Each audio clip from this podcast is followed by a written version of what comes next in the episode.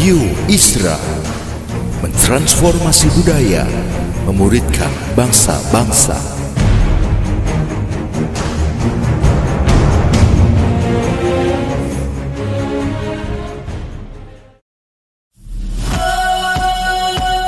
Suara Transformasi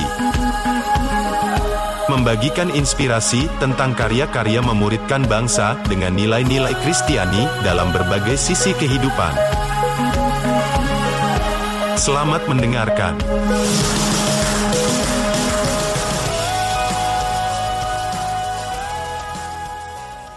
Leading through chaos.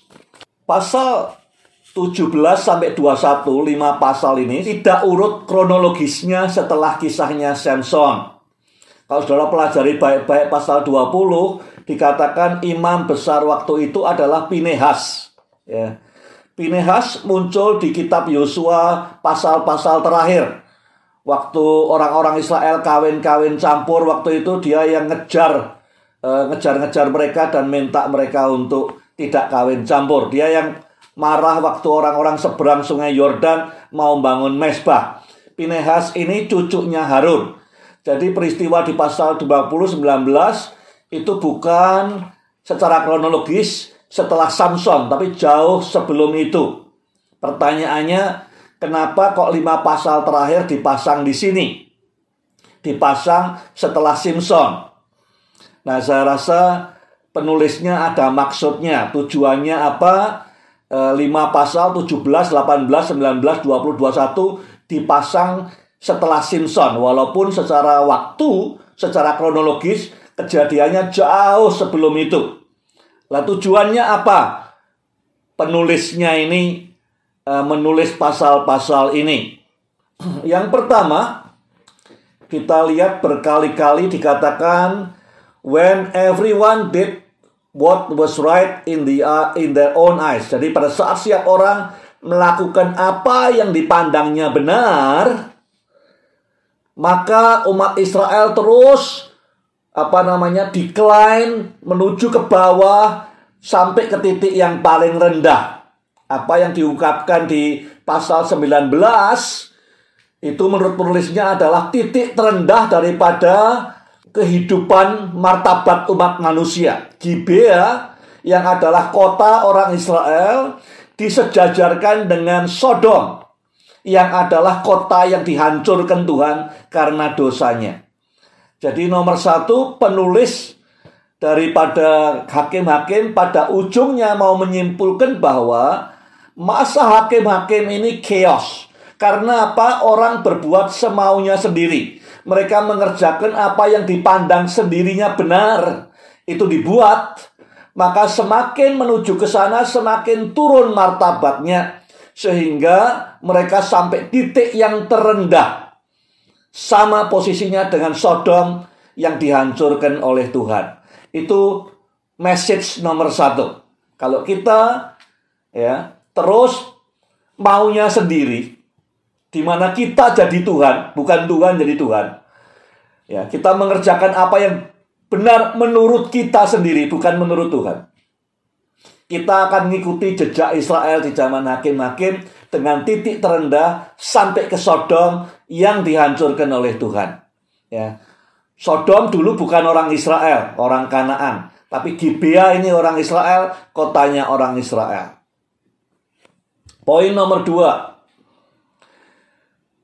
di tengah segala kehancuran masyarakat di yang diungkapkan di pasal 17 sampai 21 ini di tengah-tengahnya adalah menurunnya kualitas kepemimpinan rohani. Nah, kita lihat kalau sudah lihat mulai pasal 17, 18, 19, 20, tokoh sentralnya siapa? Tokoh sentralnya orang Lewi. Ya. Tapi orang Lewi yang nggak bener. Ya. Orang Lewi yang coward. Yang menyerahkan istrinya untuk diperkosa. Orang Lewi yang gimana? Orang Lewi yang mata duitan. Ikut orang yang bisa gaji dia lebih banyak. Jadi pusat daripada kehancuran masyarakat adalah kualitas kepemimpinan rohaninya. Jadi kita harus lihat ya kalau mau lihat bangsa ini bagaimana lihat kualitas pemimpin rohaninya. Bagaimana sekolah-sekolah teologi, sekolah Alkitab mendidik para pemimpinnya, karakternya seperti apa, ya, jiwanya seperti apa, pemimpin yang di lapangan seperti apa. Kalau itu semua sudah corrupt seperti orang Lewi di pasal 17, 18, 19, 20, ya, maka itu akan terrefleksikan dalam kehancuran masyarakat bangsa itu.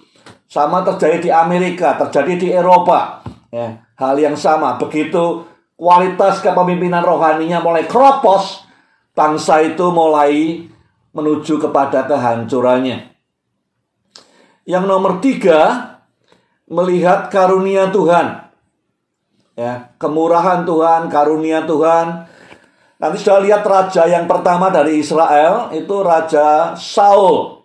Raja Saul dari mana asalnya? Dari Gibea. Dia orang Benyamin. Jadi nanti kalau sudah lihat di pasal 20, Benyamin habis hampir musnah tinggal 600 orang. Gibea hancur karena dosa yang tidak yang begitu rupa yang tidak pernah dibuat oleh orang Israel mana pun juga. Tetapi Tuhan mau menunjukkan bahwa kalau ada pertobatan, ada second chance. Ya. Saul diberi second chance. Walaupun di second chance juga dia tidak berhasil. Atau dia tidak bisa menyenangkan hati Tuhan. Tapi paling tidak Tuhan bilang, kalau aku mengampuni, dia memberikan seperti menghapuskan semuanya. Dan melihat kita seperti nol, seperti kain putih, seperti salju sama sekali. Ya, Itu grace-nya Tuhan. Kemurahannya Tuhan. Seperti yang lalu saya katakan, masa lalu kita mungkin jelek, kalau sudah minta ampun, beres putih, kita mulai baru dengan Tuhan. Grace and forgiveness.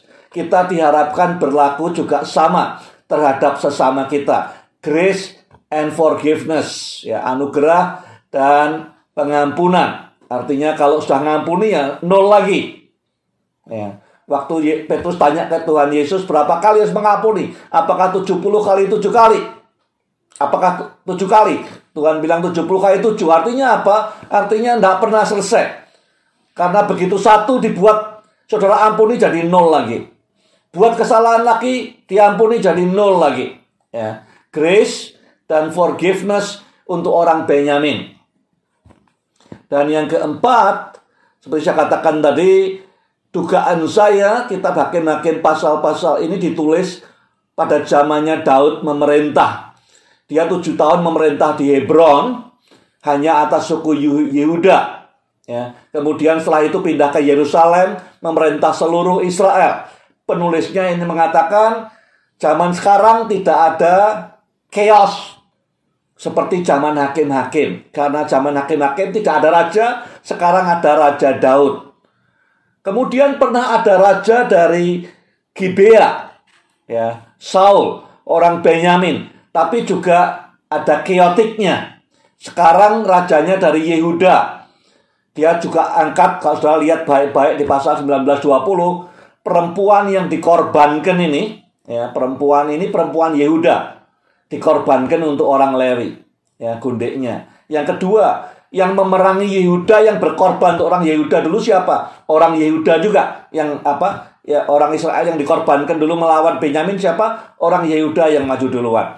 Jadi dari pasal-pasal ini penulisnya ingin mengatakan dari dulu Yehuda jadi apa berkorban jadi tumbal dan segala macam sekarang memberi kepemimpinan di bawah Daud maka ada damai ada eh, problemnya terselesaikan itu kira-kira empat purpose daripada pasal-pasal ini topik berikutnya adalah bagaimana kita melihat tanda-tanda sebuah masyarakat atau sebuah organisasi yang diambang kehancuran. Ada empat. Satu adalah the absence, tidak adanya nilai-nilai keluarga yang kuat. Ada beberapa hal yang kita lihat di sini, ya. Yang pertama tentu ada orang tua ini, orang tua uh, Efraim yang rela ngorbankan anaknya untuk diperkosa, ditawarkan. Ya, itu tentu nilai keluarga yang tidak baik. Yang kedua, suami yang sungguh-sungguh menyerahkan istrinya untuk diperkosa sampai mati. Itu juga nilai keluarga yang tidak baik. Yang ketiga, eh, dosa di Gibea, homoseksual. Itu juga dikaitkan dengan masalah keluarga. Awalnya dari keluarga, ujungnya juga di keluarga yang tidak benar. Dua, tanda-tanda kalau masyarakat sedang decline, tidak ada pahlawan-pahlawan. Ya, tidak ada uh, inspiring heroes. Heroes itu apa? Heroes atau pahlawan adalah orang yang ngambil resiko untuk keselamatan orang lain. Orang yang mau menderita demi orang lain selamat itu hero. Lawan lawannya heroes apa? Selfishness. Ya, mementingkan keselamatannya sendiri, mementingkan enaknya sendiri. Pada saat kita tidak lagi dengar cerita di mana ada orang berani berkorban untuk orang lain supaya selamat, ya. Dan zaman sekarang jarang. Zaman dulu ada misionari yang dibunuh mati supaya suku ini selamat, ya. Dimakan oleh orang-orang uh, yang masih kanibal supaya suku itu dengar Yesus. Sekarang jarang cerita-cerita hero seperti itu. Pada saat cerita-cerita kepahlawanan yang inspiring sudah tidak ada lagi, seperti zaman hakim-hakim pasal 17, 18, 19, 20, 21, maka itu tanda masyarakat sedang decline. Selalu masyarakat butuh hero. Kalau tidak ada hero, mereka mengimajinasikan ada Superman, ada Batman, dan segala macam. Karena kita butuh heroes. Orang yang berani berkorban untuk keselamatan orang lain. Ya. Begitu tidak ada, maka ini masyarakat menuju di ambang kehancuran. Yang ketiga, tidak adanya pemimpin-pemimpin yang rohani. Pemimpin-pemimpin yang jadi panutan, jadi teladan di tengah masyarakat. Tidak kelihatan. Lihat kanan, lihat kiri, tidak ada pemimpin yang bisa dijadikan panutan andalan di tengah masyarakat yang sedang gelap. Dan yang keempat, institusi keagamaan, infrastruktur spiritualitas ya, tidak berfungsi. Orang tidak melihat gereja sebagai pengharapan. Orang mulai sinis. Gereja ya, dituduh ini, dituduh itu, hamba Tuhan dituduh ini, dituduh itu. Pada saat itu terjadi, dan itu sedang terjadi di tengah kita, sesungguhnya masyarakat sedang merosot. Ya, karena institusi keagamaan, infrastruktur kerohanian tidak berfungsi. Jadi ini empat hal yang menandai uh, we are not in a good place. Berikutnya kita mau bahas tentang keadilan. Keadilan buat siapa? Ada seorang perempuan yang tidak disebut namanya. Asalnya dari Yehuda. Dikatakan dia adalah seorang gundik atau istri kelas 2. Tidak disebut apakah orang Lewi ini punya istri lain apa tidak. Tapi dia disebut sebagai concubine atau gundik atau diperlakukan seperti istri kelas 2 atau seperti di Zimbabwe artinya istri ini diambil istri tanpa emas kawin dalam budaya Afrika. Ya. Jadi dia tentu saja tidak bahagia. Kalau toh dia istri satu-satunya dia adalah istri yang diperlakukan seperti istri kelas 2 tidak bahagia hidup keluarganya. Yang kedua pernikahannya tidak berhasil memang dalam Alkitab Indonesia disebut bahwa dia ini uh, serong. Ya katanya tidak setia. Tapi dalam terjemahan Alkitab bahasa Latin Vulgate atau bahasa Yunani sesungguhnya kata itu bukan kata serong tetapi kata marah angry. Ya. Jadi dia mengalami kemarahan terhadap suaminya. Tidak puas terhadap kehidupan keluarganya Akhirnya dia pulang ke rumah bapaknya. Kalau dia disebut serong atau berbuat zina, maka dia perginya ke rumah eh, orang yang berserong dengan dia. Tapi dia pulang ke rumah orang tuanya, jadi kemungkinan besar terjemahan Alkitab bahasa Yunani dan bahasa Latin kemungkinan besar akan lebih benar bahwa dia bukan bukan zina tetapi dia marah ya karena tidak diperlakukan sebagaimana seorang istri dia pulang ke rumah orang tuanya. Jadi pertama diperlakukan dengan tidak baik oleh suaminya. Kedua pernikahannya gagal ketiga nasibnya juga jelek. Oleh suaminya dia dikorbankan. Demi suaminya selamat, tidak dihina di depan umum, tidak disodomi, dia kasihkan perempuan ini. Diperkosa semalam-malaman sampai mati baginya. Ya. Jadi ini hal ketiga yang membuat susah hidup perempuan ini, tidak tahu namanya siapa. Dan yang keempat, dia dipotong-potong oleh suaminya, dikirimkan ke mana-mana supaya orang Israel kumpul agar membalaskan dendam orang Lewi ini. Tuhan itu Tuhan yang adil. Oleh karena peristiwa terhadap perempuan yang tidak ada namanya ini, kita tidak kenal namanya, 65 ribu nyawa melayang. 40 ribu di antaranya tentara, orang-orang gagah perkasa dari orang Israel, yang 25 ribu orang-orang Benyamin. Ya. Jadi walaupun perempuan tidak ada namanya orang Yuda tetapi oleh karena satu orang ini ya keadilan ditegakkan Tuhan membela perempuan ini ada 65 ribu orang melayang nyawanya.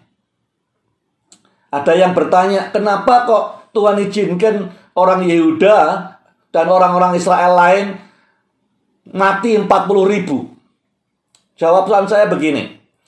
Orang Benyamin menjadi homo, menjadi kasar, menjadi pemerkosa bukan tiba-tiba.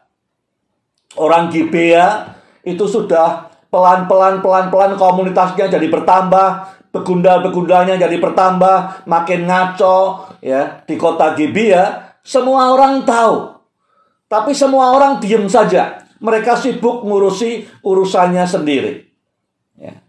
Jadi kalau kemudian terjadi kesalahan seperti ini, yang salah bukan hanya orang Gibea, bukan hanya orang Benyamin, tapi seluruh Israel tanggung jawab. You are your brother's keeper. You are your sister's keeper. Kalau satu salah dibiarkan sekian lama, semua orang ikut tanggung jawab. Lost in battle, ya, kalah dalam peperangan walaupun mengikuti tuntunan Tuhan. Itu judul berikutnya. Orang berpikir kalau kita sedang ikuti Tuhan pasti sukses, ya. E, cuan banyak, untung jadi besar, segala macam. Tapi kita lihat di pasal 20 ini sudah mengikuti Tuhan tiap langkah tetap kalah perang. Ya. Kenapa? Yang pertama kita lihat mereka ini ngerjakan misinya Tuhan untuk me, apa namanya membersihkan tanah Israel dari dosa yang demikian buruk ya sodomi, pemerkosaan, sampai mati dan segala macam. Jadi dia bertindak demi nama Tuhan, menyelesaikan misi Tuhan, menegakkan keadilan. Nomor dua, tiap langkahnya berdoa mereka ini. Tuhan siapa yang maju duluan? Juda. Tuhan apakah kita perlu perang terus dengan Benyamin? Perang. Ya. Dan seterusnya, tiap langkah. Pasal 20 ayat 18, 23, 28. Tiap langkahnya dituntun Tuhan. Tapi kalah. 22 orang mati. 18 ribu orang mati. Mereka juga satu hati. Sebelum peristiwa ini tidak pernah. Ya. Sejak Yosua baru sekarang ini seluruh Israel satu hati. Pasal 20 ayat 1 ayat 8. Sebelum ini tidak pernah. Baru sekarang ini dikatakan satu hati lagi. Yang keempat dikatakan mereka courage, resilient. Kalah, maju lagi. Kalah, baris lagi. Saling menguatkan. Courage dikatakan di ayat 22. Dan mereka nangis di battle. Mereka nangis di hadapan Tuhan. Terakhir sekali sebelum mereka menang, mereka doa dan puasa. Ada dua jawaban saya kenapa semua yang terjadi. Satu adalah apakah penulisnya ingin negaskan bahwa doa puasa itu penting sekali. Ya, saya bisa resonate dengan itu. Setelah dicoba segala macam yang bisa membuat mereka menang, doa puasa. Pasal 20 ayat 28. Yang kedua, memang ceritanya belum selesai. Kalau mereka sudah kalah sekali terus kemudian bubar pulang kampung, ya ceritanya belum selesai. Baru kalah dua kali pulang kampung, belum selesai ceritanya. Jadi saudara bisa aja sudah mengikuti Tuhan tiap langkahnya, ngerjakan pelayanan Tuhan, tapi ngadapi kegagalan, benturan. It's okay. Ceritanya belum selesai. Ceritanya masih bersambung. Selesainya nanti di pasal 21. Apa yang menyebabkan Benyamin kalah? Ya. Yang pertama karena tidak ada inovasi. Mereka perang dengan cara yang sama terus. Ya, mereka perang dengan strategi A, menang. Mereka pikir akan menang terus dengan strategi A. Peperangannya sudah berubah, strateginya sama terus. Dalam kehidupan kita juga sama kalau kita tidak inovatif, ya, pakai strategi yang kita pakai 20 tahun yang lalu, 5 tahun yang lalu, ya kita akan lama-lama kalah. Yang kedua, blind spot, titik buta. Mereka tidak sadar bahwa bahaya sudah dekat. Ya, alamnya tidak bunyi. Sense-nya tidak sensitif. Jadi blind spot, tidak bisa lihat. Maka kita butuh orang lain untuk menolong kita ya supaya kita bisa mendengar. Yang ketiga, pride, mereka overconfidence, merendahkan musuh mereka, ah paling lari lagi. Kita sudah pernah menang, kita akan menang lagi. Yang keempat, pandangan mereka jangka pendek, tidak bisa lihat jangka jauh. Begitu lihat musuh sudah terlalu dekat, berputar sudah sulit sekali. Ya. Ada yang bertanya kepada saya, kenapa, apa pelajaran kita sih melewati uh, tadi perempuan yang tidak punya nama tadi ya. Memang itu Tuhan menegakkan keadilan tapi pelajaran kita apa? Bagaimana kita bisa menghindari peristiwa di Gibea? Menurut saya orang Levite ini ya hamba Tuhan ini perlu belajar mendengar. Dua percakapan yang terjadi Dua dari tiga percakapan terjadi sebelum peristiwa ini, dia tidak mendengar.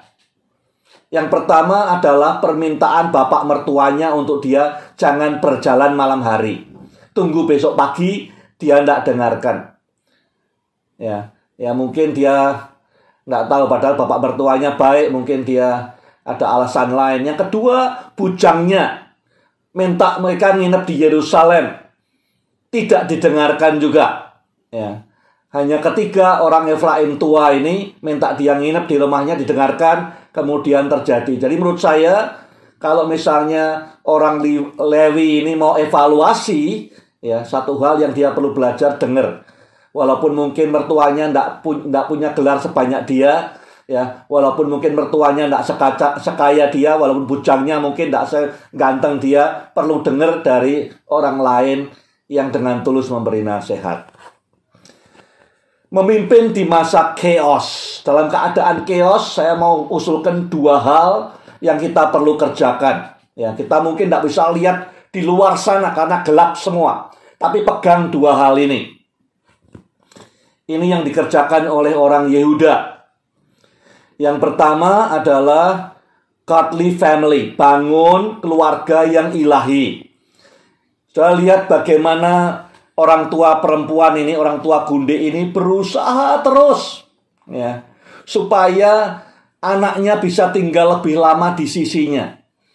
Dia seneng lihat uh, menantunya ya. Dia tahu kalau menantunya pergi anaknya akan pergi tapi bapaknya berusaha dengan segala cara supaya anaknya tetap tinggal di dekatnya dia Anaknya merasa dikasihi karena bapaknya begitu ingin dia dekat sama dia. Anaknya merasa penting, merasa wanted, merasa diingini. Hubungan bapak anak di Yehuda ini bagus, inspiring sekali. Ya. Bandingkan dengan hubungan bapak anak di orang Efraim yang tua yang di Gibea itu. Anaknya malah diserahkan untuk diperkosa, ditawarkan untuk diperkosa. Ya. Bandingkan dengan orang Lewi yang nyerahkan gundiknya untuk diperkosa sampai mati. Tapi orang tua keluarga daripada uh, gundiknya ini luar biasa. Yosefus seorang ahli sejarah abad pertama mengatakan perempuan Yehuda ini yang dikatakan gundik ini perempuan yang sangat cantik dari keluarga yang sangat baik. Dia marah dia uh, karena perlakuan suaminya. Jadi ahli sejarah uh, Yahudi berkata ini perempuan dari keluarga baik dan sangat cantik. Ya. Jadi yang pertama kalau melihat keadaan gelap karena Covid, karena yang lain perang dan segala macam, yang pasti akan menghasilkan yang baik adalah bangun keluarga yang ilahi. Yang belum menikah di ruangan ini, berdoa bangun keluarga yang ilahi. Yang sudah menikah bangun keluarga yang ilahi, ya. Sehingga anak-anak merasa I'm loved, I want, I'm wanted. Ya diharapkan uh, hubungan ayah dengan anak, ibu dengan anak semua baik semua. Yang kedua, godly leadership. Ya. Setiap kali ada pertempuran, setiap kali keadaan krisis, setiap kali ada persoalan, orang Israel tanya, siapa yang maju duluan? Yang maju duluan adalah orang Yehuda. Kenapa? Satu karena preparedness, siap kapan saja. Dia tahu bahaya bisa datang kapan saja. Dia tahu perlawanan datang kapan saja. Jadi prepare. Setiap kali orang Israel bertanya siapa maju duluan, Yehuda. Dari pasal 1 sampai pasal 20. Yang kedua, willingness untuk melayani. Willingness to serve. Resikonya besar enggak? Besar. Yang mati duluan ya orang-orang Yehuda. Tetapi willingness. Ya. Yang pertama dalam keadaan chaos. Yang penting bangun keluarga ilahi. Yang kedua bangun kepemimpinan yang ilahi. Itu anak-anakmu, itu pegawaimu, itu timmu. Ya siapa pun juga dalam pelayanan di gereja, bangun godly leadership. Apa tandanya? Be prepared. Setiap saat siap. Dan rela untuk melayani Tuhan. Melayani bukan beban, tapi sukacita. Ya. Doa saya tiap malam, anak cucu, ya, anak mantu cucu, cucu mantu cicit, semua boleh melayani Tuhan dengan sukacita. Mengasihi Tuhan, itu privilege. Ya bukan korban, bukan apa-apa. Sekarang pertanyaan refleksi, satu-satunya berita baik di dua pasal ini apa? Bahwa ada hubungan baik antara ayahnya Gunde ini yang di Bethlehem ya, di Yudea dengan anak perempuannya. Anak perempuannya hidupnya susah, dinomor duakan oleh suaminya, ya, dibuat marah oleh suaminya, gagal pernikahannya, diserahkan untuk diperkosa sampai mati, dipotong-potong. Satu-satunya momen indah dalam hidupnya perempuan ini adalah mengetahui bahwa bapaknya dia berusaha tiap hari meyakinkan suaminya untuk tinggal terus di Bethlehem. Kenapa? Karena bapaknya sangat sayang pada anak perempuannya. Dia berusaha pakai taktik ini, taktik itu, approach ini, approach itu supaya anak perempuannya lebih lama bersama di dekatnya dan itu memberikan rasa uplifting, rasa terangkat, ya. Melihat bapaknya begitu ingin dekat terus dengan dia. Jadi perempuan ini merasa sangat dikasihi, merasa kehadirannya sangat diharapkan. Sama seperti Bapak di surga dengan kita, ya. Ingin terus kita dekat dengan dia. Dengan segala cara, termasuk kadang-kadang dikasih kanker, dikasih apa supaya kita dekat sama dia. Bagikan saat-saat bersama ayah atau ibumu secara jasmani atau pengasuhmu yang paling membangun sehingga memberi dampak yang lama dalam hidup saudara. Ya ini melihat masing-masing ke keluarganya. Hubunganmu dengan orang tuamu atau pengasuhmu atau kakekmu hubungan ini coba cari satu momen seperti perempuan ini menemukan momen di penghujung hidupnya di mana ayahnya ingin terus berusaha tiap hari membujuk suaminya untuk tinggal. Ingat-ingat refleksikan kapan momen terindah. Engkau dengan ayahmu atau engkau dengan ibumu di mana mereka betul-betul berusaha ya meyakinkan saudara-saudara orang yang paling penting, orang yang sangat mereka kasihi uh, sesuatu yang uh, membangun saudara yang merasa dikasihi, merasa kehadirannya diharapkan.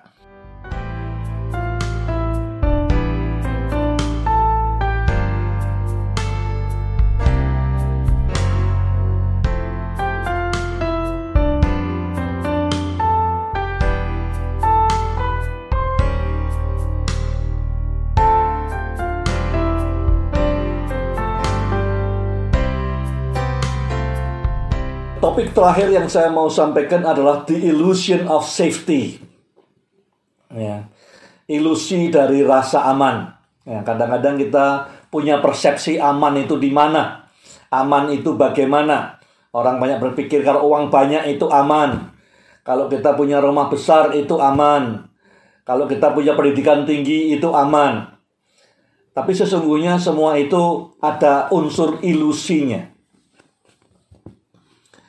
Pada saat orang Lewi dan uh, gundiknya dan bujangnya jalan pulang dari Bethlehem. Bujangnya menasehati ini sudah gelap, mendingan kita bermalam belok ke sini ke Yerusalem. Kemudian orang Lewi berkata, tidak. Tidak baik tinggal di kotanya orang-orang yang bukan orang Israel. Kita harus jalan sampai ke Gibea. Di sanalah kota orang Israel. Kalau istilahnya di sana itu saudara-saudara kita seiman. Orang-orang gereja, orang-orang Kristen sini bukan. Ya. Apa yang dipikirkan orang Lewi tinggal di antara orang-orang Kristen, orang-orang Benyamin, orang-orang pilihan akan lebih aman Justru kemudian keputusan itu menghabiskan 65.001 jiwa mati semua dalam beberapa minggu. Nah, ilusi dari rasa aman bahwa di gereja lebih aman daripada di luar gereja, di di Gibea lebih aman dari Yerusalem, di kalangan banyak orang yang kemudian melihat ada the illusion of safety Ya, kadang-kadang kita mikir tempat ini lebih aman, ternyata tidak. Yang dialami seperti orang Lewi dan gundiknya dan bujangnya ini. Kadang gosip lebih banyak di gereja daripada di luar gereja. Kadang topeng lebih banyak di gereja daripada di luar gereja. Yang nomor dua, eh, anak perempuan daripada orang Efraim ini, yang tua ini. Dia pikir tinggal di rumah orang tuanya bersama ayahnya yang harusnya melindungi dia, dia akan aman. Ya. Dia pikir tinggal di rumah menemani orang tuanya, ya. Di rumah orang tuanya di dalam rumah akan aman. Ternyata justru orang tuanya yang menawarkan dia untuk diperkosa oleh orang-orang walaupun tidak terjadi, tetapi saya rasa bekas luka sakitnya anak ini akan panjang sekali dan tidak akan tertebus kecuali dia ketemu Tuhan. Ya, bahwa dia ditawarkan kepada orang-orang untuk diperkosa oleh orang tuanya sendiri. Tapi itu bukan hanya zaman itu, ya, zaman hari ini juga banyak sekali ya terjadi bagaimana orang tua membiarkan tidak peduli akan pertumbuhan rohani kesejahteraan anak-anaknya. Yang ketiga, sering ada ilusi bahwa ya kita mengadakan perjalanan traveling dengan hamba Tuhan itu akan aman. Eh, kita berjalan dengan orang tertentu, kongsi dengan orang tertentu, kita pikir aman, ya. Ini hamba Tuhan sudah pelayanan dan segala macam, tetapi justru mengalami sesuatu yang tidak menyenangkan. Di luar sana, saudara, sudah terlalu banyak anak-anak perempuan yang menderita. Di Alkitab, selain kisah ini, ada kisah Dina, anaknya Yakob yang juga diperkosa, Tamar, anaknya Daud yang juga diperkosa, menderita. Diperkosanya di mana? Ya, anaknya Daud juga di istananya. Jadi eh, baru-baru ini ada studi tentang domestic violence, kekerasan dalam rumah tangga di Inggris. Dan paling banyak terjadi di kalangan keluarga-keluarga Kristen juga. Untuk bisa nyetop semua ini apa? Dibutuhkan kepemimpinan ilahi untuk menghentikan pandemi ini. Eh, walaupun keadaannya kelihatannya baik, setiap kemes kita kumpul rasanya semua happy, sukacita di luar sana, banyak banyak eh, perempuan Yehuda tadi seperti tadi, ya banyak anaknya orang Efraim yang ditawarkan, banyak anak-anak seperti Dina, anak-anak seperti Tamar yang butuh pemimpin-pemimpin yang ilahi. Jadi harapan dan doa saya lewat Bible Study ini, saudara bisa ditolong untuk memunculkan makin banyak eh, pemimpin-pemimpin yang ilahi, yang berani, bukan yang pengecut, yang bisa menyelamatkan anak-anak gadis kota saudara, negara saudara, bangsa saudara, supaya tidak banyak lagi orang-orang seperti Dina, seperti Tamar, seperti perempuan Gunde ini, seperti anaknya perempuan orang Efraim dan banyak lagi yang lain yang menderita dan tersengsarakan. Saudara dan saya dipanggil kalau kita memimpin di masa chaos ini, nomor satu bangun keluarga ilahi, nomor dua bangun pemimpin yang ilahi.